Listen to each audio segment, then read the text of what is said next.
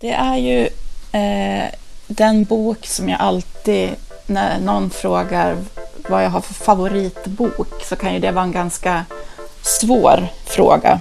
Eh, men eh, för mig är det inte svårt eftersom det, det är så självklart pansarkryssaren.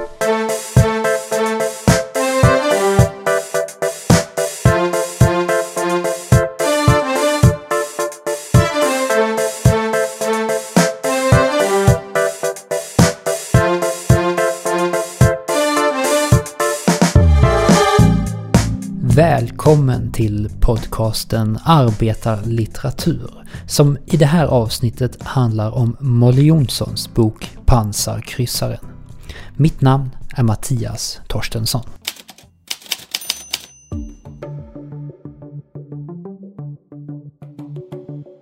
Det är allt en märklig roman. Molly Jonssons Pansarkryssaren, utgiven 1955. Än märkligare är kanske författarskapet, men vi återkommer till det. Det jag tycker om i den romanen det är att det inte är den traditionella utvecklingsromanen. Det är ingen stark berättarröst som leder läsaren. Det finns inte ens en huvudperson här. Anneli Jordahl, författare. Och det som, eh, ja det är just den här blandningen av poesi, drama, politisk satir, berättande, brevform och hur hon får det att funka.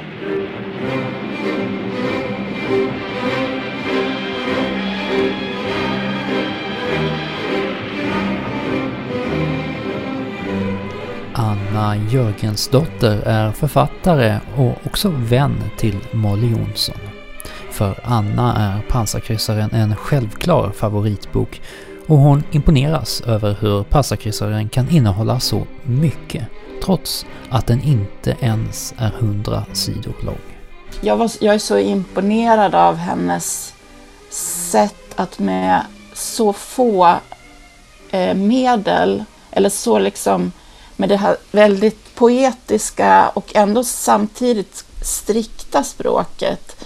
Eh, och, och, det är ju en väldigt tunn bok också, att hon lyckas förmedla så oerhört mycket som handlar om klassamhället och kolonialismen och eh, eh, ja, revolutionen eller revolutionslängtan och eh, eh att det bara... Jag, jag, kan liksom inte riktigt förstå hur hon har lyckats göra det på, på, på det, den liksom lilla ytan. Det är en sån rik bok. Eh, och den är så stark och den är rolig och den är sorglig. Eh, och framförallt så är den oerhört kraftfull och den vill ju verkligen berätta saker. Boken inleds med att en pansarkryssare pressar sig fram genom ån i det lilla brukssamhället Grusviken. Skeppets skarpa köl skapar en åtta meter djup skåra i bottenslammet. Leran skvätter på omkringliggande träd och buskar. Det måste dånat in med stor kraft. En fruktansvärd maskintriumf. När dimman lättar och järnvägsarbetarna får syn på skeppet tror de inte sina ögon.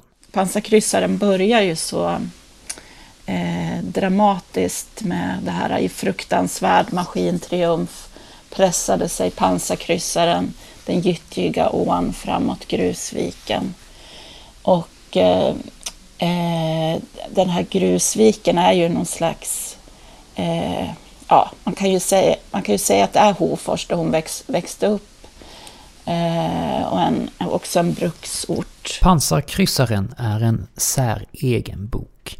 Det är en roman med flera berättare. Rösterna skiftar mellan jag och vi. Den allvetande berättaren finns där, men bara ibland.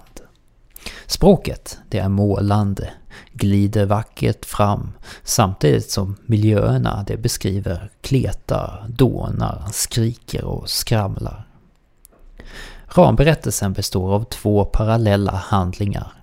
Den ena utspelar sig på järnverket i den fiktiva orten Grusviken. Den andra på en kolonialiserad semesterö. Trots att det saknas en huvudperson och en intrig blir man som läsare oerhört fängslad av berättelsen. Men vad är det som gör den så intressant? Anna Jörgensdotter igen.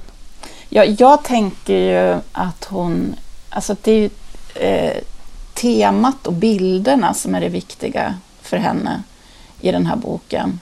Eh, och det här misslyckade försöket till revolution. Jag menar, det börjar ju med det och det slutar ju med det. Eh, alltså det börjar ju med, en, en, med den här pansarkryssaren och de här matroserna som försöker uppvigla arbetarna eh, i Grusviken Eh, göra uppror eh, som sen misslyckas. Så det finns ju liksom en ram, det är ju en ramberättelse. Eh, och eftersom hon har den och hon har de här oerhört starka scenerna och hon har sitt väldigt eh, alltså modiga eh, och järva språk så tänker jag att det här som man vanligtvis vill ha i en roman, som du säger, med hu huvudpersoner att följa, eh, till exempel.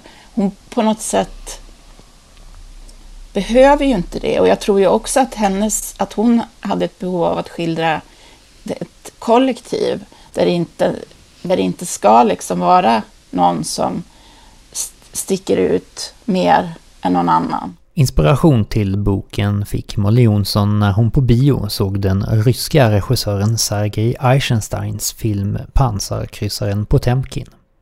Det är en av filmhistoriens mest inflytelserika filmer. Den skildrar ett politiskt myteri på ett ryskt örlogsfartyg. Filmen är delvis inspirerad av en verklig händelse från revolutionsåret 1905, där besättningen på ett av Svarta havsflottans fartyg gjorde uppror och gick över till revolutionärernas sida. Även om filmen spelades in redan 1925 visades den inte i Sverige förrän drygt 30 år senare. Den var för våldsam och eh, den statliga filmcensuren satte stopp. När filmen på 50-talet gick upp på biograferna satt Molly Jonsson i biostolen. Tur var väl det, för den kom att inspirera henne till en av de mest fascinerande arbetarromanerna som någonsin skrivits. Och att hon har inspirerats av en film, ja, det är någonting som märks enligt Anneli Jordahl. Absolut, särskilt den eh, pansarkryssaren som är då det här montaget att att det kan vara liksom fyra eh, skeenden i en ruta. Eh, och att eh, man fångar hela eh, befolkningen och hela samhället i filmen, inte individen. Det är också sådär det är intressant att den är så, eh, jag, jag vill säga manlig i sitt tilltal. För det är männens perspektiv och det är, är liksom de här ja, de är ju ganska så här, exotiserade och ganska erotiserade de här sjömän, ryska sjömännen på båten, muskulösa och seniga som vildkatter eller vad det står. Och, så, och samtidigt som det knappt är några kvinnor i, i boken, de skymtar fram bakom en gardin eller så. så att hon, ja, hon, hon bryter verkligen av på, på, på det sättet, på ett spännande vis.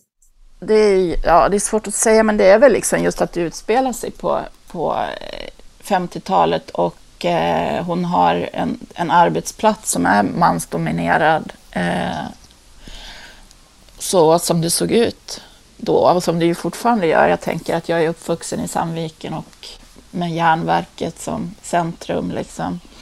Och väldigt patriarkal eh, stad, precis som eh, Hofors. Eh, så det, det, följer ju på det, tänker jag, eh, att hon ville skriva om, om arbetarklass så som det såg ut då 50-talet. Eh, sen kan man väl liksom, retroaktivt kanske man kan tänka ja, att den är ju kanske liksom, ja, det är ju inte en, man kanske inte ska säga att det är en feministisk roman, men jag tycker ju ändå att man kan, allt som handlar om någon form av längtan efter jäm, ett mer jämlikt samhälle har ju ändå, bär ju ändå en feministisk eh, tanke i sig. Så. Ja, och, men, men det är inget jag, jag har ingen, tänk, jag, det är inget som jag tänkt så här, vad fan, har du ingen, varför är det så få kvinnor med? Det är inte, jag tänker helt enkelt att hon har skrivit om den tiden och eh, har valt just väldigt specifika, två väldigt specifika eh, fält. Liksom. En bruksort och, ett, eh, och den här kolonialiserade ön. Liksom.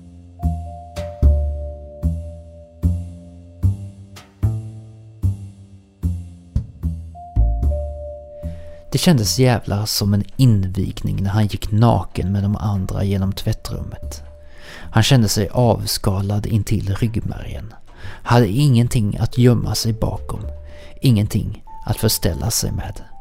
Han tyckte att han hade lämnat hela sitt gamla liv bakom sig när han kom invandrande där, utan kläder, med bara arbetarkroppen och knytet med blåstället lindat om träskorna under armen och matboxen i handen vandrande in i bolagstjänst, järnverksarbetare, svart buller och bång.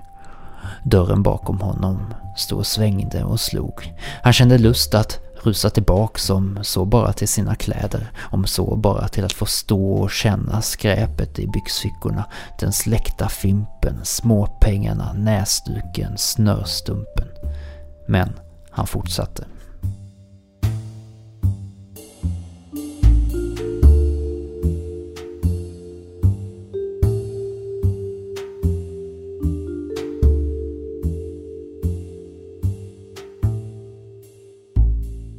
Trots att både Anneli Jordahl och Anna Jörgensdotter lovordar romanen har den aldrig varit särskilt känd bland allmänheten. Visst fick den mycket uppmärksamhet när den kom, men varför har inte fler hört talas om den? Anna Jörgensdotter tror att det kan bero på att Molly Jonsson var före sin tid. Jag tänker på något sätt att hon bara nästan chockade litteratur. Hon måste ju på något sätt ha gjort det, tänker jag. Alltså, en, en så alltså, ung kvinna som skriver den här liksom oerhörda arbetarskildringen. Det känns nästan som att hon var inne på ett territorium där hon kanske inte riktigt i den tiden, nu pratar jag ju utifrån den tiden, liksom, att det blev kanske något nästan, jag vet, jag tycker inte provokativt är rätt ord. Jag hittar inte rätt ord, men att liksom tiden inte var redo för henne på något sätt. Eh, hon bröt ny mark, eh, som jag ser det. Eh, att det inte hade skrivits något liknande förut. En ytterligare anledning till att pansarkryssaren inte fått den uppmärksamhet den förtjänar tror Anneli Jordahl beror på att Molly Jonsson är en författarnas författare. Hon kanske är en författarnas författare, det vill säga de som skriver, själva skriver och försöker skriva konstnärligt, eh, känner till henne.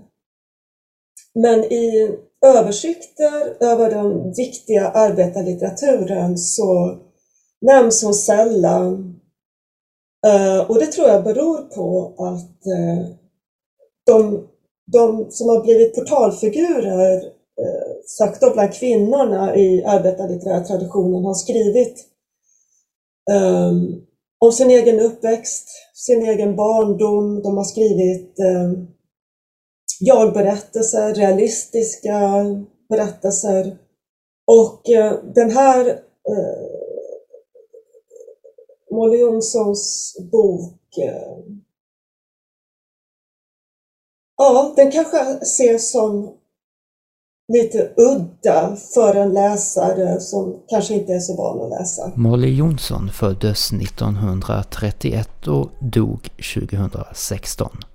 Hon var dotter till en järnvägsarbetare, uppvuxen i bruksorten Hofors och så var hon bara 24 år när hon debuterade med pansarkryssaren. En ung kvinnlig arbetarförfattare. Det hör inte till vanligheterna. Och det är något som fascinerar Anneli Jordan. De flesta började skriva när barnen var utflugna i boet och Moa Martinsson började skriva på allvar när hennes man hade begått självmord. Alltså, det är en klassiker för ett sorgligt kapitel att männen tyckte inte om att kvinnorna satt och skrev. Man kan nästan säga det generellt. Elsie Johansson har också berättat om detta. Så att det är när de har slagit sig fria på ett eller annat sätt som de börjar skriva. Då kan de vara sådär 50-60. Men hon hann ju innan hon fick familj så att säga skriva detta avancerade verk. Efter debuten blev det inte tyst från Molly Jonssons penna. Hon skrev bland annat journalistik och så skrev hon om klassiska verk i lättläst version. Men romaner, ja, det blev det bara en till. Och den, den utkom drygt 30 år efter debuten. Så varför skrev hon inte mer? Anna Jörgensdotter. Eh, hon, jag tror hon hade en oerhörd längtan efter att skriva. Eh, men att hon inte kom över de här trösklarna som ju också handlar jättemycket om självkritik. Eh, att hon var väldigt självkritisk eh, och ville göra saker perfekt. Eh, och som jag kan tänka med pansarkryssaren så är ju den in i minsta detalj så otroligt väl genomförd. Jag har läst intervjuer med henne och hon fick ju ofta den frågan och eh, hon sa då att nej men jag fick familj och barn och, och ehm, eh, och det får jag för mig var ett svepskäl. Eh, jag tror att hon fick stora skälvan med att hon insåg Eh, sin stora begåvning och att hon hade redan med sin första bok lyckats så hos kritikerna. Och hur följer man upp en, en sån litterär succé? Hon vågade efter 30 år och då fick ju den morbror Anders eh, tidningen Vis litteraturpris. Så att det var ju inte så att hon var fullständigt okänd och verkade i fördolda. Vilket avtryck har Molly Jonsson då gjort på efterföljande arbetarlitteratur? Anna Jörgensdotter och Anneli Jordahl är överens om att hon har haft en inverkan på traditionen men det är få som lyckats lika bra som Molly Jonsson. Jag kan inte liksom se någon som som, vad ska jag säga, lyckas så bra som, som hon. Eh, att eh, både språkligt och eh, tematiskt skildra, skildra arbeta, arbetarförhållanden på det här starka sättet. Jag kan väl tänka liksom på, på poeter som Stig Sjödin eller eh, jag kan väl också tänka på på Sonja Åkesson som skriver väldigt klass, klassmedvetet. Så, eh, men jag, jag vet inte. Hon har, ju, hon, har ju påverkat, hon har ju påverkat mig, men jag kan ju inte eh, le, jag kan ju inte leva upp till henne. Men hon har ju, hon har ju, hon har ju, hon har ju ett stort inflytande på på mig och jag tänker ju mycket kring våra diskussioner kring skrivande och, och hennes recensioner av mina böcker, att hon läste ju allting jag skrev och var väldigt, väldigt kritisk.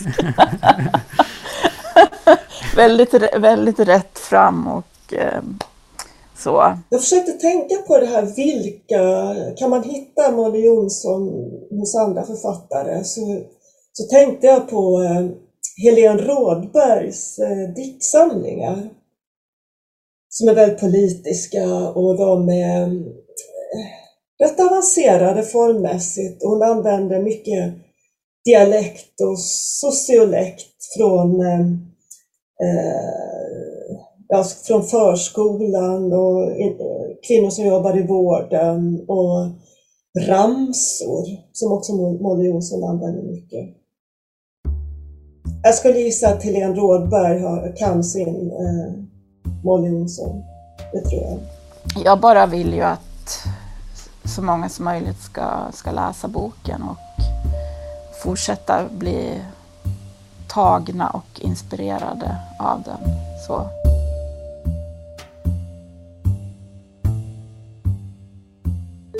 Innan du beger dig till biblioteket eller bokhandeln för att antingen köpa eller låna ett exemplar av Molly Jonssons Pansarkryssaren så har Anna Jörgensdotter lovat att läsa ett utdrag ur sin kommande roman Systrarna.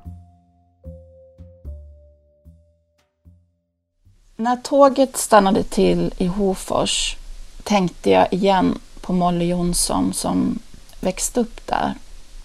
Eh, hon hade berättat för mig att det blivit svårare att skriva när hon fått barn. Något viktigt att hålla sig i, skapandet, gled henne ur händerna och inte som en manlig författarkollega född på 1960-talet sagt att han blev till sten när barnen föddes. För henne, född 1931, var det något helt annat ansvaret, fokuset och Stenmannen skulle inte förstå. Molly Jonsson gav ut sin debutroman Pansarkryssaren när hon var 24 år gammal. Hon hade sett filmen Pansarkryssaren på Temkin på Folkets hus-biografen i Hofors och blivit inspirerad. Det liknade historien om min farmor när hon gått i snö en mil från biografen i Järbo till Norrby och snön hade gnistrat och världen tyckts magisk i efterdyningarna av det hon precis upplevt.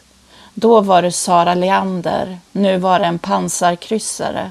Och Molly skriver om hur den förirrar sig in i den fiktiva grusviken, fastnar och hur de ryska matroserna ombord försöker uppvigla de lokala arbetarna till revolution. På en kolonialiserad ö i hennes roman sitter ursprungsbefolkningen på stranden och sjunger sorgesånger och förbannelser över det lyxhotell Grandest som byggts på deras mark.